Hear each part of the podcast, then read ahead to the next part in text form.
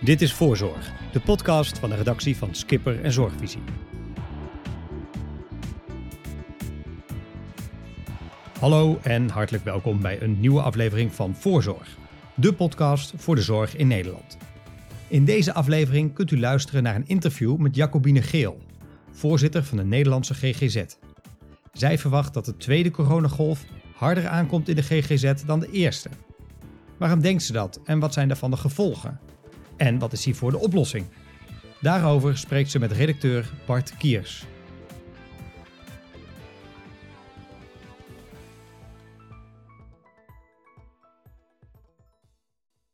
Wat kunnen we verwachten voor de tweede golf, voor de GGZ? Waar, waar zitten de zorgen? Nou, ik denk dat wat je ziet in de hele samenleving, dat zie je ook psychisch en ook voor onze organisaties, is dat corona natuurlijk een soort test is voor het weerstandsvermogen. En uh, de eerste golf uh, was heel pittig uh, voor onze leden, voor patiënten natuurlijk heel erg, die op een hele andere manier vaak zorg kregen dan ze gewend waren, namelijk digitaal en niet meer face-to-face. En wat we toen wel zagen is dat het personeel eigenlijk uh, helemaal overeind bleef. Uh, zelfs misschien minder ziekteverzuim dan daarvoor. Iedereen was ontzettend gemotiveerd om, uh, om door te gaan. Met alle beperkingen die dat natuurlijk met zich meebracht, die, die corona-lockdown. Maar wat we nu zien is dat we, en we hebben dat breed uitgevraagd bij onze leden dat de druk natuurlijk groter wordt. Zowel op uh, bepaalde groepen, en dan denken wij met name aan jongeren, jeugd. Daar moeten we echt, denk ik, heel goed naar gaan kijken wat die uh, misschien aan extra beleid nodig hebben om hier toch goed doorheen te komen. Wat speelt er dan bij de jeugd? Nou, uh, sowieso is het voor jongeren natuurlijk heel gek om uh, verstoken te zijn van veel sociaal contact, van het gewone sociale contact. Dus dat, dat geldt voor alle jongeren. Uh, maar je hebt natuurlijk ook jongeren die uh, thuis een misschien wat ingewikkelder situatie hebben, uh, die zolang ze in beeld zijn van een behandelaar, in ieder geval een volwassene hebben waar ze in vertrouwen uh, ook een beetje op kunnen leunen. Als dat wegvalt, dan, nou, dan is dat best kwetsbaar. En dat horen we ook wel terug, dat, dat, dat het voor jongeren echt hard problematischer kan worden. Uh, er zijn natuurlijk ook kinderen die er wel bij varen, bij die grotere rust. Dus dat moeten we denk ik ook erkennen. En dat geldt denk ik over de hele linie. Maar voor heel veel jongeren is dat, die sociale, dat sociale isolement in combinatie met gewoon puberteit... misschien sowieso al een zekere kwetsbaarheid voor... Uh, ja, nou ja, voor, voor in jezelf opgesloten raken, uh, nou ja, kan wel tot verontrustende situaties leiden. En daar zien we ook wel voorbeelden van. Waar we het ook wel, waar we ook wel zorgen over hebben, is de verslavingszorg. Wat je ziet is dat daar natuurlijk sowieso sociaal isolement vaak al een thema is. Uh, mensen kunnen soms overgaan tot meer middelengebruik of misbruik, wat ook niet helpt. Uh, dus dat is een, een, een, groep waarvan we denken, nou, ex, extra aandacht voor. Ouderen, maar dat is natuurlijk eh, generiek duidelijk dat ja, voor ouderen is de prijs van het isolement ten opzichte van de gezondheidswinst natuurlijk heel, ja, heel, heel kwetsbaar en ja, discutabel misschien zelfs wel voor sommigen. Ook daar um, denk ik extra aandacht voor. En wat we nu zien, en dat is iets waar ook gewoon natuurlijk uh, onze leden zich wel uh, druk om maken, is dat het personeel uh, meer dreigt af te haken. Dus, dus de, het ziekteverzuim onder het personeel is groter. er is ook daar natuurlijk besmettingsrisico. Is het groter dan in de eerste golf? Dat lijkt zo. En we weten niet helemaal precies nog waar dat door komt. Maar in ieder geval is het een combinatie van dingen. Kijk, wat je wil is natuurlijk heel snel kunnen testen. Je wil heel snel weten of wat je denkt dat er aan de hand is, of dat uh, corona is. Dus er is in ieder geval een soort tijdelijke uitval. En als iemand dan ziek is, is er ook nog die quarantaine, waardoor je langer uit je werk uh, wordt gehaald. Dus dat is een optelsom uh, waardoor we denken, nou, dit wordt uh, nog veel meer alle zeilen bij dan in de eerste golf. Dus we maken ons wel een beetje zorgen. En wat we ook zien, en dat geldt denk ik voor de hele samenleving, is dat, en ik, ik, moet zeggen, ik merk dat eigenlijk zelf ook, dat dat het moeilijker is om het nu vol te houden. Dat je denkt, oh, het wordt ook de dagen worden donkerder en korter en het uh, weer is slechter. En straks zitten we weer uh, met z'n allen op een kluitje thuis en we kunnen geen kant op. En uh, ja, als je dan al gevoelig bent voor toch psychische druk, dan, dan kan dat best tot hele ingewikkelde situaties leiden. En, en dat mensen gewoon door het ijs zakken. Dus de, we verwachten ook dat de, de, de tweede golf tot een golf aan eigenlijk nieuwe aanmeldingen in de GGZ zou kunnen gaan leiden. En is de GGZ daar dan klaar voor? Ja, zo klaar als kan zijn. Maar, maar om die reden zeggen we natuurlijk ook dat personeel, dat is wel echt een, een, een zorgpunt. En wat we ook zien is dat uh, bijvoorbeeld, uh, omdat nu de, de, de belasting van heel veel gewone zie, ziekenafdelingen in ziekenhuizen uh, groot is, dat er ook soms personeel wordt geleend, zeg maar. Hè? Dus, dus dat, dat levert natuurlijk ook weer een, een, een extra belasting op voor de mensen die dan achterblijven.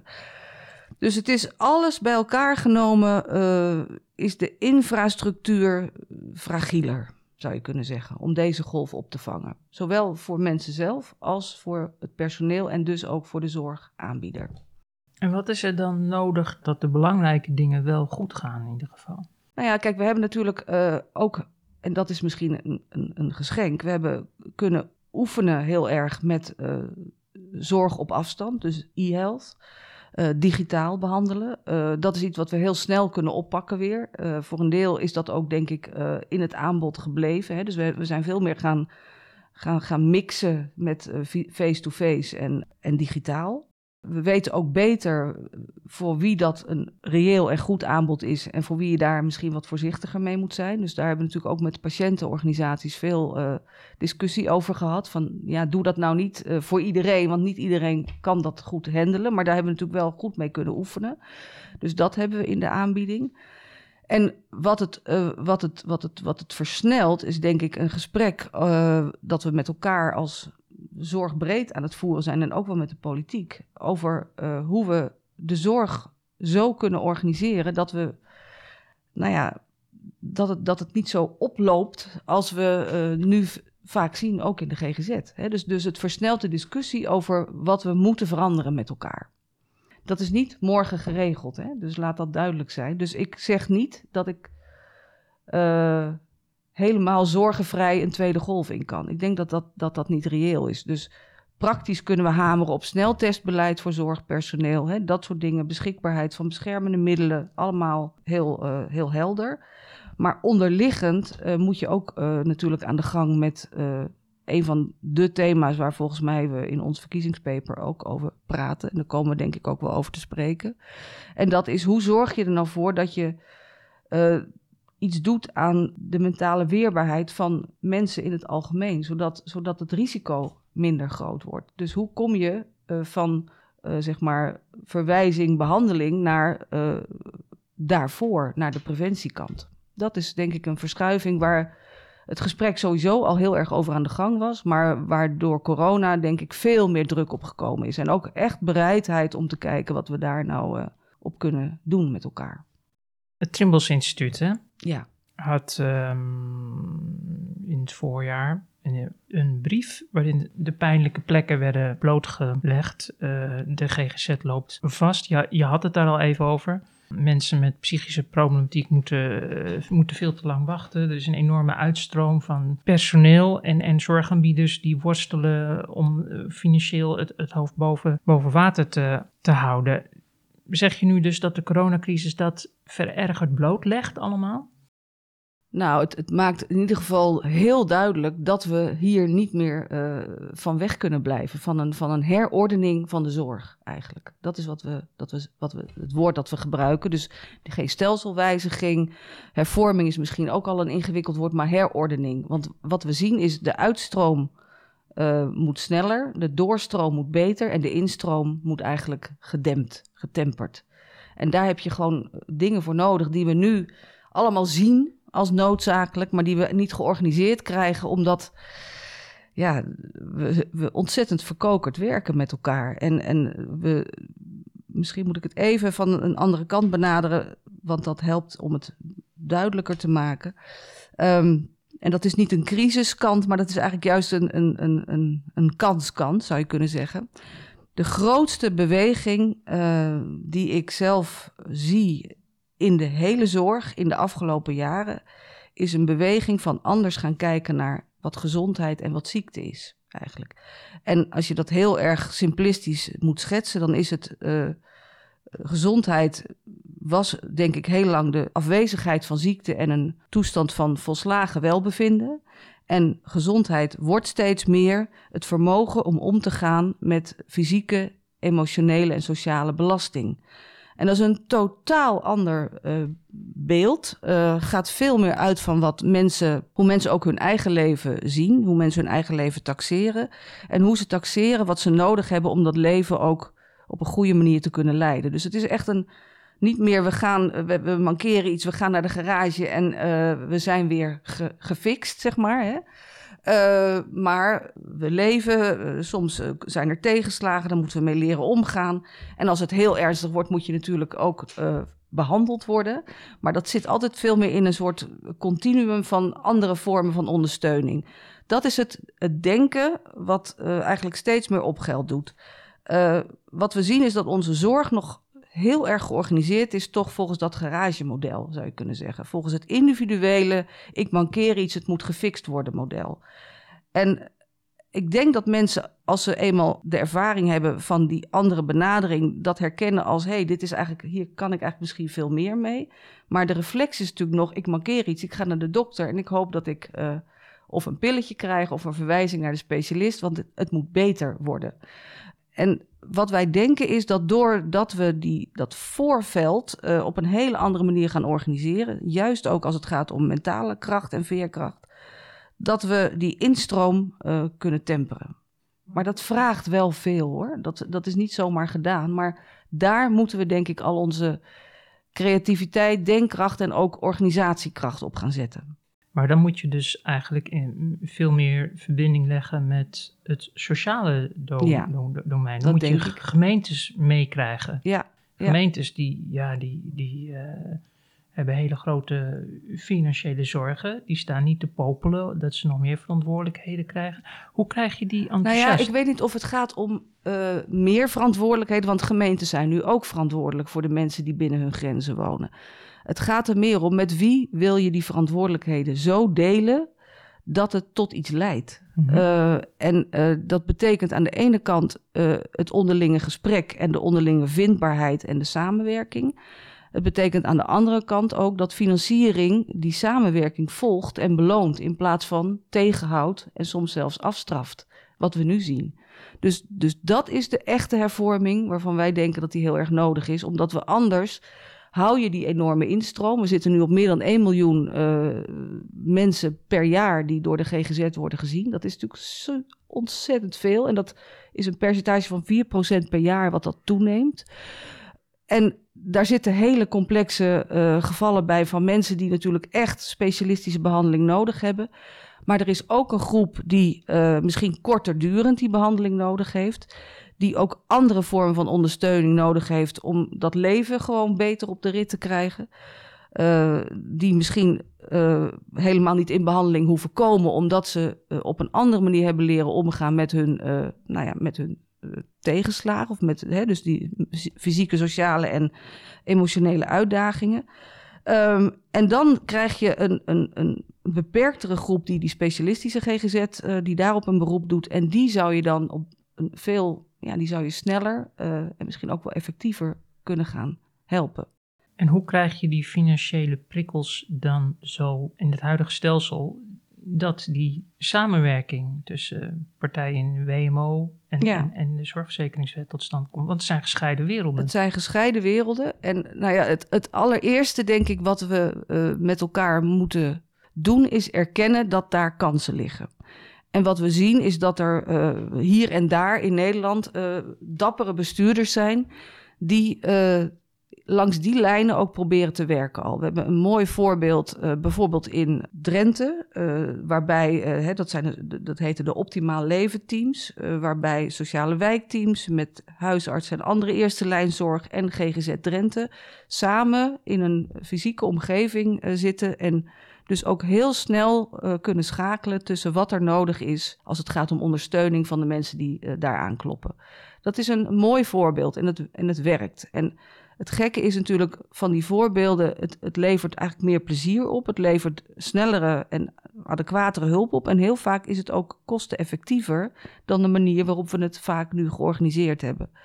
Een ander voorbeeld is. Maar waarom gebeurt dat Nou, dan niet op meer eh, plekken? dit, dit gebeurt nu, eh, omdat het altijd eh, iets te maken heeft met bestuurders die het risico durven nemen dat de inhoud misschien eerst wel iets kost, maar uiteindelijk ook iets gaat opleveren. Dus het, het, het vraagt lef, het vraagt ook wel visie. En daarom noem ik ook die transitie waar we eigenlijk met z'n allen in zitten, in, de, in het kijken naar gezondheid en ziekte. Omdat ik denk, als we ons ervan bewust zijn dat dat de beweging is die we eigenlijk willen maken, als we daar allemaal van doordrongen zijn, dan moeten we de bakens ook verzetten. En dan willen we dat ook. En het helpt ons om voorbeelden te zien zoals Drenthe, maar bijvoorbeeld ook Zuid-Limburg, waar eh, de coöperatie de nieuwe GGZ is opgericht en waar ze zeggen, ja, het kan zijn dat mensen schulden hebben die, die hun eh, gezondheid in de weg zitten. Het kan mensen, zijn dat mensen eh, gewoon te kampen met problemen op woongebied. Eh, wij zeggen niet op voorhand dat het het een of het ander moet zijn. We kijken gewoon wat we kunnen doen om deze specifieke meneer of mevrouw weer greep op het leven te laten krijgen. Dus de, dat is de coöperatie Zuid, Nieuwe GGZ Zuid-Limburg. Ehm, en dat is hetzelfde voorbeeld. Maar wat, daar eh, aan de hand is, die zeggen we stoppen eigenlijk al het geld van die verschillende stromen in een potje. En dat potje, dat rekenen we achteraf toe aan degene die de daadwerkelijke hulp verleend heeft. Dus een soort ja, white label, lump sum financiering. En ook daar zien ze dat het, het is effectiever, je bent sneller eh, eigenlijk geholpen eh, en het kost minder. Alleen, je moet wel het lef hebben om dat als het ware te voorfinancieren. En heel vaak is dat lef eh, ingebed in een soort pilot hè, of een experiment. En een experiment heeft nou eenmaal het nadeel dat het eindig is. En wij zouden willen dat dat type experimenten niet meer experimenten zijn, maar veel meer staande praktijk wordt. Dus dat dat mogelijk wordt en dat dus die vorm van samenwerking beloond wordt in plaats van belemmerd. Dat is eigenlijk waarvoor we ook naar de politiek kijken. Want dat vraagt natuurlijk iets van aanpassing in uh, regelgeving. Maar bij zorgaanbieders is natuurlijk altijd de angst dat als ze dat doen, dat ze er financieel bij, bij inschieten. Um, er is denk ik bij heel veel partijen, uh, als het om vernieuwing gaat, de angst dat ze er financieel bij inschieten. Of dat de winst van een bepaalde aanpak niet komt bij degene die geïnvesteerd heeft. Dat is natuurlijk het risico. Dat is bij preventie, en dat is natuurlijk een heel groot begrip, daar valt heel veel onder, uh, altijd de discussie geweest. Uh, tegelijkertijd zien we dat eigenlijk de, de ruimte voor echte vernieuwing zit daar. en ook verzekeraars zien dat. En met verzekeraars hebben we nu ook het gesprek waarbij zij zeggen: ja, wij zien heel goed dat de GGZ om effectief te zijn domeinen moet kunnen overstijgen. En dat dat nu lastig is. Dus wat kunnen we daar met elkaar uh, op bedenken? Dus, dus dat, dat besef, dat dringt echt wel door. Uh, en daarom denk ik ook dat nou ja, voor zover corona een voordeel heeft, heeft het het voordeel dat we zien hoe belangrijk het is dat mensen gewoon op de plek waar ze wonen en leven uh, snel en effectief geholpen kunnen worden. In plaats van dat ze nou ja, zich daarvoor hoeven, moeten verplaatsen, zelfs opgenomen moeten worden bij vlagen. Uh, en die weerbaarheid en, en die zelfredzaamheid, zonder dat je daarmee zegt, zoek het zelf maar uit. Want dat is niet wat ik zeg en dat is ook niet wat ik bedoel. Uh, ja, daar moeten we vormen voor gaan vinden met elkaar. Een financiering die dat uh, volgt en ondersteunt. Wat verwacht je van zorgverzekeraars nu om daar aan bij te dragen?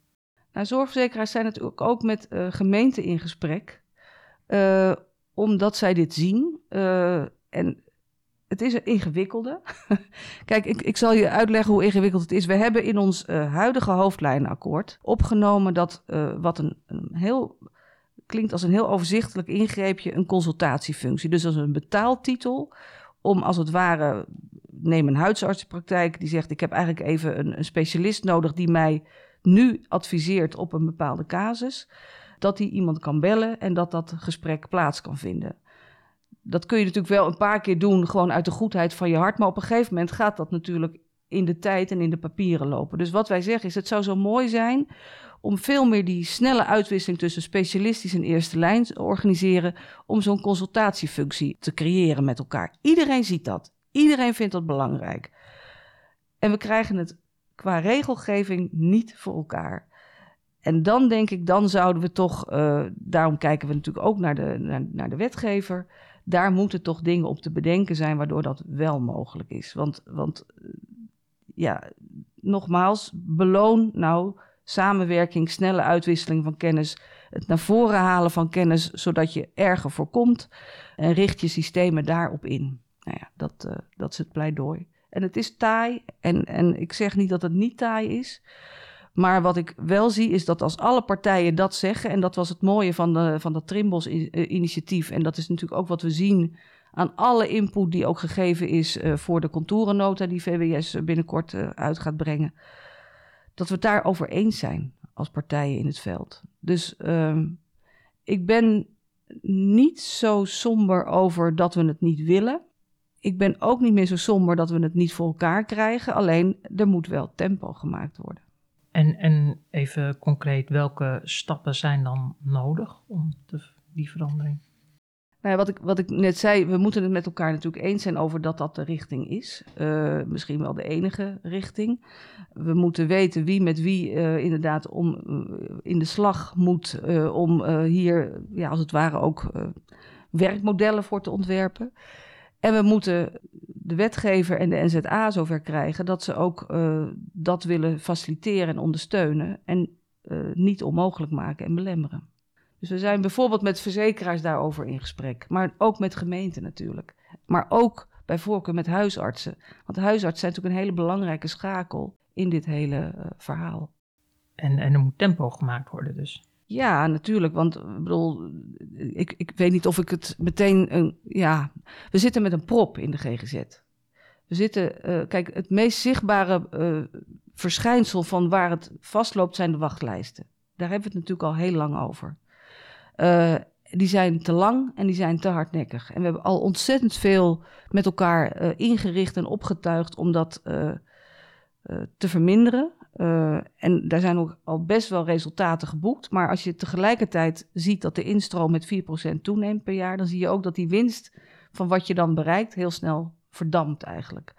Dus dat vraagt om een toch fundamentelere aanpak dan alleen maar het aanpakken van wachtlijsten die er al zijn. Het vraagt gewoon om een andere ja, ordening van, van de instroom, de doorstroom en de uitstroom in de GGZ. Uh, een bestuurder zei tegen mij: als er echt een financiële bonus komt om, om die wachtlijsten aan te pakken, dan kunnen we dat in een veel hoger tempo doen dan we nu doen. Ja, maar ja, ja dat, dat, dat, dat durf ik niet te zeggen. En ik weet ook niet of dat een structurele oplossing voor het probleem gaat brengen.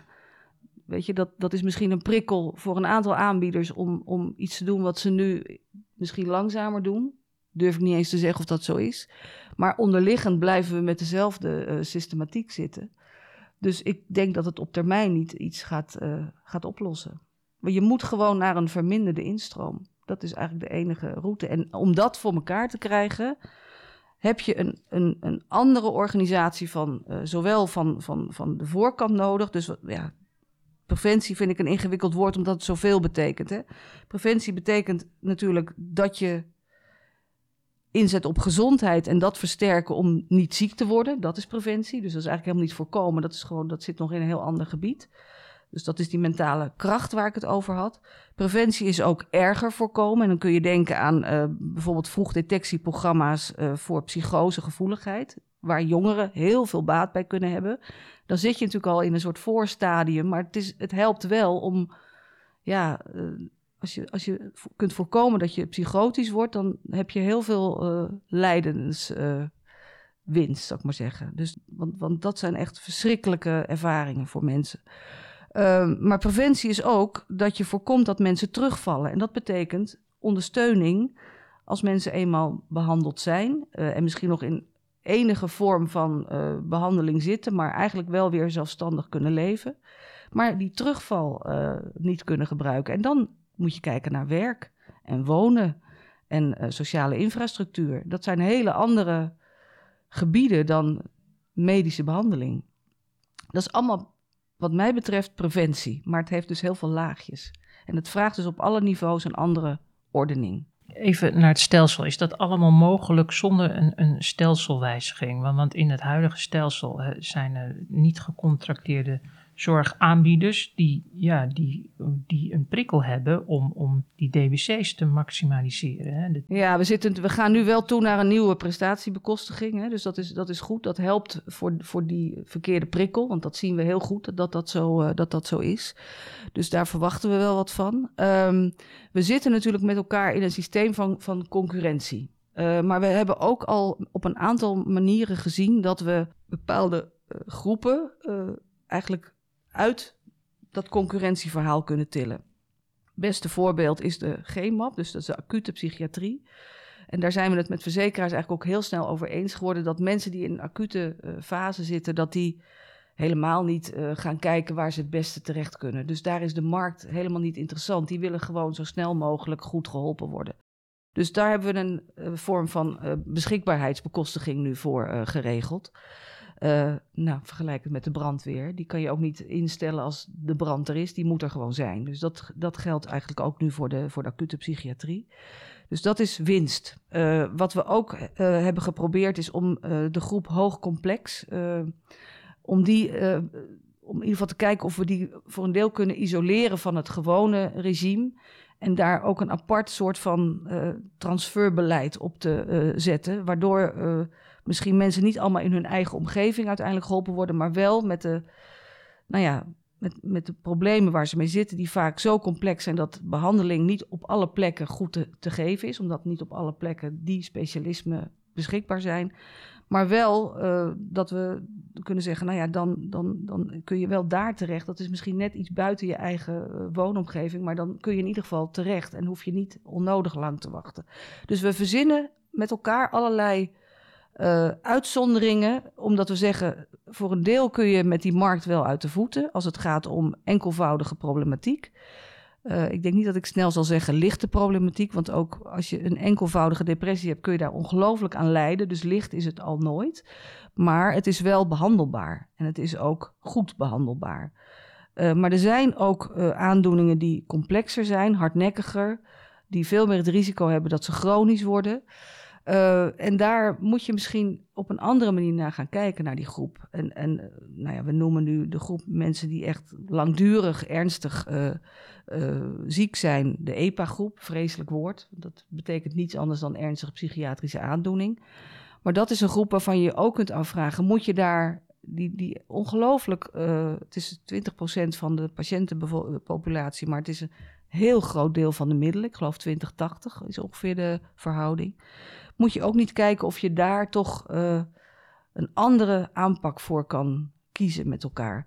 Dus het risico van praten over stelselwijziging is dat het alleen nog maar gaat over het stelsel. Wat wij zeggen is, we kunnen met wat er nu is hervormen en herordenen. En als iedereen vindt dat dat nodig is en kan, laten we het dan ook gewoon doen. En die discussie uh, laten voor wat die is.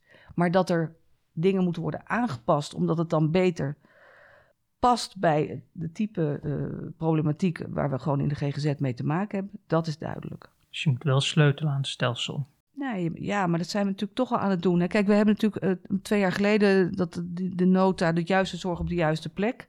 En daar is heel erg het, het, het concept van de regio geïntroduceerd. En de regio is, is uh, ik denk dat, dat, dat ons dat allemaal het gevoel heeft gegeven van ja, het is goed om te weten wat in deze regio, en dan is Noordoost-Groningen echt iets anders dan Zuid-Holland, de opgave is waar je vooral voor aan de lat staat met elkaar. Dus eerste lijn, GGZ, uh, noem het allemaal maar op. Um, en als dat een, een, wat oudere populatie is van mensen die uh, ternauwernood zelfstandig kunnen blijven wonen, dan heb je met een totaal ander verhaal te maken dan in een gebied met werkende mensen, veel jongeren, et cetera, et cetera. Dus dat vraagt een ander type uh, uh, inkoopbeleid. En daar kun je natuurlijk heel goed naar kijken. Je kan heel goed met elkaar kijken wat de opgave in een bepaalde regio is. En dat helpt je om uh, ook op maat je zorgvoorzieningen op orde te hebben. Maar wie moet er dan sturen in zo'n regio? Er is wel heel erg gekeken naar verzekeraars om daar de lead in te nemen. En het is logisch dat verzekeraars daar ook een beetje soms uh, nou ja, wat tegenaan hikken. Uh, tegelijkertijd zien ze wel de waarde van zo'n regioplaatje, zo'n regiofoto. Dus het, het, het helpt hoe dan ook bij de gesprekken die je voert. En de ene verzekeraar is er ook wel meer toe genegen dan de andere. Dus dat is natuurlijk een gesprek wat ze, wat ze ook onderling moeten voeren. Dus helemaal de regiehouder in de regio zal de verzekeraar niet snel worden. Maar als je als, ook als aanbieders met elkaar zegt: we willen toch ook kijken wat hier nou echt nodig is. Ja, dan, dan heb je een beeld van wat de regionale voorzieningen moeten zijn. En dan kun je zeggen: nou, en wat we echt niet kunnen organiseren, dat moet bovenregionaal in ieder geval geborgd zijn. dus dan heb je een andere structuur. Nou ja, dus, dus wij zeggen die regio is een prachtig concept. Alleen we hebben in Nederland geloof ik wel 30 regio-indelingen. Uh, dus daar moeten we dan wel naar kijken. Over welke regio heb je het dan? En ho hoe definieer je die? Nou, dus dat is ook weer iets waar we voor naar de overheid en, en, en wat vind jij? Ja, nou goed, je hebt natuurlijk de, de ROAS-regio's bijvoorbeeld. Hè. Dat is niet een hele onhandige schaal, denk ik. Omdat we ook daar al gewend uh, mee zijn te werken, ook in de zorg. Dus dat zou er eentje kunnen zijn. Die ook al een soort organisatie-infrastructuur hebben. Ik wou nog hebben over de uitstroom van, van zorgprofessionals. Uh, dat een belangrijke reden is de doorgeschoten bureaucratie. Nu, uh, dit kabinet startte heel ambitieus met ontregelde zorg. Maar ik hoor toch wel heel vaak van, ja, het levert niet zo heel veel op eigenlijk. Hoe kan het dat zo'n probleem wat al zo lang speelt, toch maar niet wordt getackeld. Ja, nou ja, ik denk dat dat uh, voor een deel natuurlijk ook wel te maken heeft met hoe we het uh, allemaal georganiseerd hebben. En als ik voor de GGZ spreek, dan, dan zie je gewoon, en dat heeft, daar heeft de decentralisatie van de jeugd GGZ natuurlijk heeft dat heel erg zichtbaar gemaakt, is dat het aantal gesprekspartners, schuine streep financiers, is enorm toegenomen. En iedereen die ergens geld in stopt, wil natuurlijk weten of dat rendeert, of dat zinnig besteed geld is. Dus die wil een vorm van verantwoording. Dus dat vraagt een vorm van registratie. En, en ja, heel veel financiers hebben toch weer net andere eisen wat betreft die, die registratie. Dus dat is een, een bron van regeldruk. Of in ieder geval ervaren regeldruk. Uh, we doen onszelf natuurlijk ook wel dingen aan, want we hebben natuurlijk ook heel veel kwaliteitseisen en, en die vragen ook registratie. Dus, dus een, een deel van de regeldruk komt ook gewoon uit de zorg zelf. Zijn we natuurlijk ook naar aan het kijken met elkaar.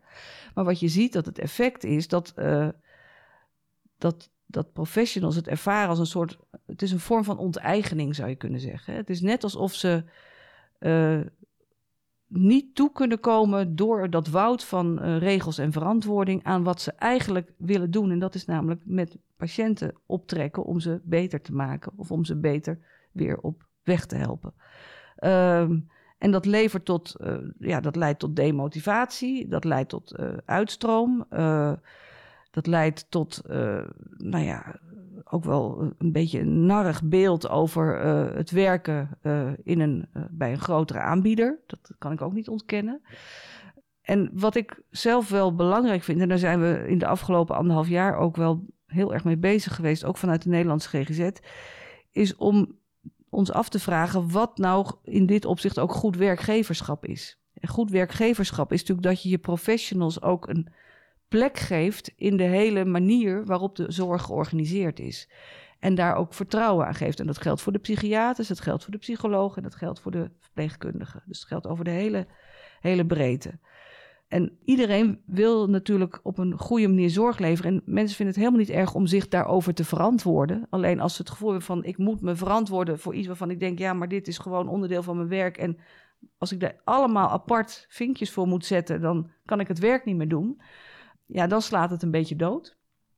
Uh, maar als je dat eigenlijk teruggeeft aan professionals, van waar zou jij je nou over willen verantwoorden? We hebben daar een heel mooi voorbeeld van, bijvoorbeeld bij Arkin. Die hebben dat in overleg met een zorgverzekeraar zijn ze daaraan begonnen. Nou, dat leidt eigenlijk wel tot hoopgevende resultaten. Namelijk uh, veel minder tijd kwijt met registratie. Minder ziekteverzuim onder, het, uh, onder de professionals, omdat ze gewoon veel meer plezier in hun werk hebben. En dus meer behandeltijd voor de patiënt. Dus een, dat is wel win-win-win. En dat is ook wel een voorbeeld waarvan, nou ja, van, van hoog tot laag, en het, ook een, het heeft ook een prijs gekregen, waarvan gezegd wordt, nou, dit moeten we nou gaan opschalen. Dit moet nou op veel meer plekken uh, gaan gebeuren. Tegelijkertijd, het is maar één voorbeeld.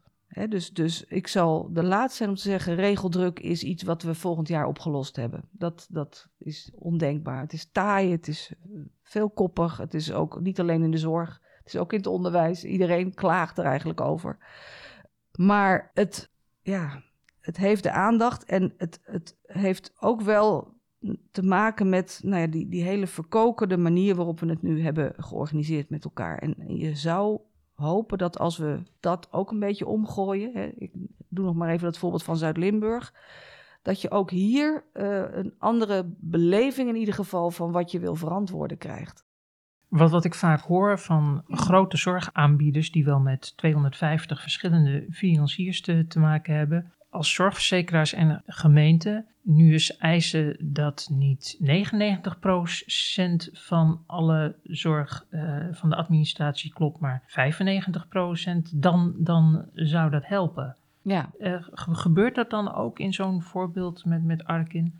Is, is, is dat de oplossing? Uh, volgens mij is dat niet daar de route die gekozen is, maar dan zou ik hem nog even ietsje preciezer weer moeten bestuderen. Uh, het is daar veel meer de, de, de, de, omkering van leg het ook bij de professional zelf, wat er verantwoord wordt. In plaats van alles als het ware extern uh, af uit te vragen. Dus dat is daar de, de draai die gemaakt is. Die, die 95%-regel, ik weet dat er bestuurders zijn die, dat, die daar heel erg op tamboureren. En ik, ik, ik kan me er ook wel iets bij voorstellen, omdat juist die laatste 5% vaak onevenredig veel inspanning vraagt om het helemaal dekkend te krijgen. En sowieso is totale verantwoording misschien wel een illusie. Hè? En zeker in, in, in, uh, in een, een, een sector als de GGZ toch ook wel is. Maar ik denk dat we daar uh, in de afgelopen jaren uh, als GGZ wel ook een achterstand hebben weggewerkt, waardoor er wel veel meer vertrouwen is in, nou ja, in, ook in onze kwaliteitssystemen en in onze eigen uh, routekaarten voor goede zorg, zal ik maar even zeggen. Waardoor ook dat gesprek met verzekeraars, het, blijft een ontzettend ingewikkeld gesprek, maar wel uh, ook andere dimensies heeft gekregen. Hè. Dus, dus vormen van horizontaal toezicht bijvoorbeeld, waarbij je aan de voorkant goed afspreekt wat je met elkaar wil, zodat je aan de achterkant niet alles nog weer apart hoeft te verantwoorden. Dat zijn wel exercities die uiteindelijk moeten leiden tot in ieder geval een andere verhouding, waarin meer vertrouwen is en minder wantrouwen. Je bent nog één jaar voorzitter. Ja. Wan, wanneer ben je tevreden over wat je bereikt hebt in al die jaren? Oh, nou, ik zou wel het fantastisch vinden als het ons zou lukken om dat hele voorveld uh, echt zo te organiseren dat. Uh, nou ja, dat, dat, dat, prachtige, dat die prachtige notie van, van gezondheid is het vermogen om om te gaan met de uitdagingen die het leven stelt, fysiek, sociaal en emotioneel. Als we er ook in zouden kunnen zijn geslaagd om dat zo in de zorg vorm te geven dat we mensen daarbij echt ondersteunen en dat we dat niet, dat we niet door dat de manier waarop het gefinancierd, door de manier waarop het gefinancierd is, een soort afschuif uh, uh, mentaliteit hebben ten opzichte van elkaar. Van nou ja, dit, dit is niet meer van mij, dus dat is van jou, dus ik, ik bemoei me daar verder niet mee. Dus dat we in dat gezamenlijke gesprek en die gezamenlijke visie echt stappen hebben gezet. Ja, dat zou ik wel fantastisch vinden. Echt. Want daarmee hebben we ook eigenlijk, denk ik, dan een aansluiting gevonden met, met echte vernieuwingsbewegingen die je ook ziet in de GGZ van de herstelbeweging en van de, uh, van, van de, ENIC Recovery uh, Centra, waar patiënten of ex-patiënten, ervaringsdeskundigen zelf aan de gang zijn om met academisch uh, toch ja, die mentale kracht van mensen te oefenen en mensen ook te leren om het leven uh, aan te kunnen met alles wat daar kwetsbaar aan is en blijft. Want ik denk dat dat ook iets is wat we in de GGZ ons altijd moeten realiseren. Wij kunnen mensen niet gelukkig maken. We kunnen mensen alleen een beetje op weg helpen om het eigen leven weer aan te kunnen, waardoor ze de kans op geluk groter is. Tot slot dan, je, een jaar geleden kreeg je van de Vereniging tegen Kwakzalverij die prijs, de Meester Cacadoris-prijs. Ja, geweldig. Ja, dat was wat. Ja, ja. Uh, ja hoe, uh, wat vond ja. je daarvan? Nou, ik vond het eigenlijk wel uh, eervol. Sowieso is het een heel mooi rijtje waar je dan in staat, hè, met mensen als Pauline Meurs en zo. die hebben we ook allemaal gekregen.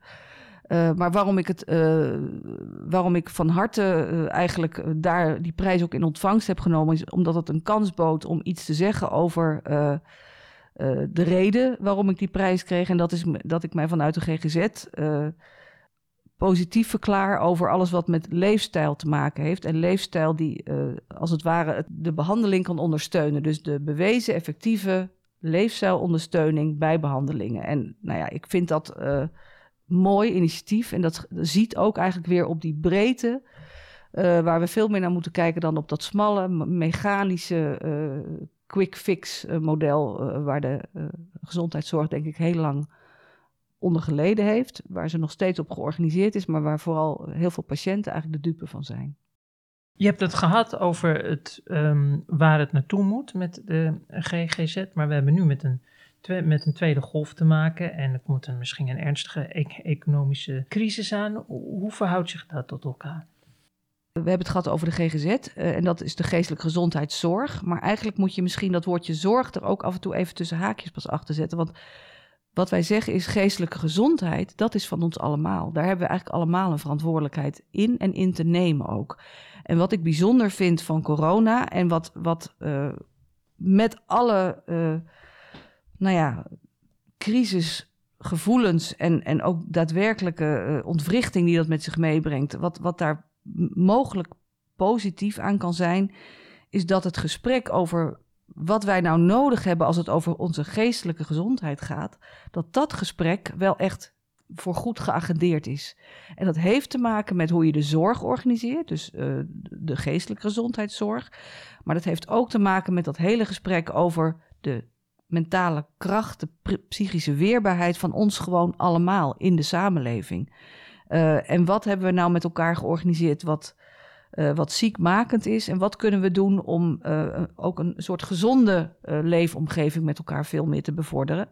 Zowel collectief, maar ook wat kunnen we individueel doen om niet alleen fysiek fit te zijn en te blijven, maar ook mentaal fit te zijn en te blijven. Dus die twee uh, vragen. Die, uh, daar moeten we denk ik met elkaar uh, het gesprek goed over aan. En dat gesprek is geagendeerd, meer dan ooit, door corona. Dat wordt echt nu herkend als, ja, hier kunnen we niet meer van wegblijven. Dus dat is een klein lichtpuntje in deze best wel ingewikkelde donkere dagen voor kerstmis. En daarmee zijn we aan het einde gekomen van deze aflevering. De muziek in deze podcast is gemaakt door Bram Brouwers en de montage was ditmaal in handen van Jantine Albers. Voor het laatste nieuws over de zorg kunt u iedere dag terecht op skipper.nl. Achtergronden en interviews leest u op zorgvisie.nl. Vergeet u niet te abonneren op deze podcast, zodat u geen aflevering hoeft te missen. Voor nu, hartelijk dank voor het luisteren en heel graag tot de volgende voorzorg.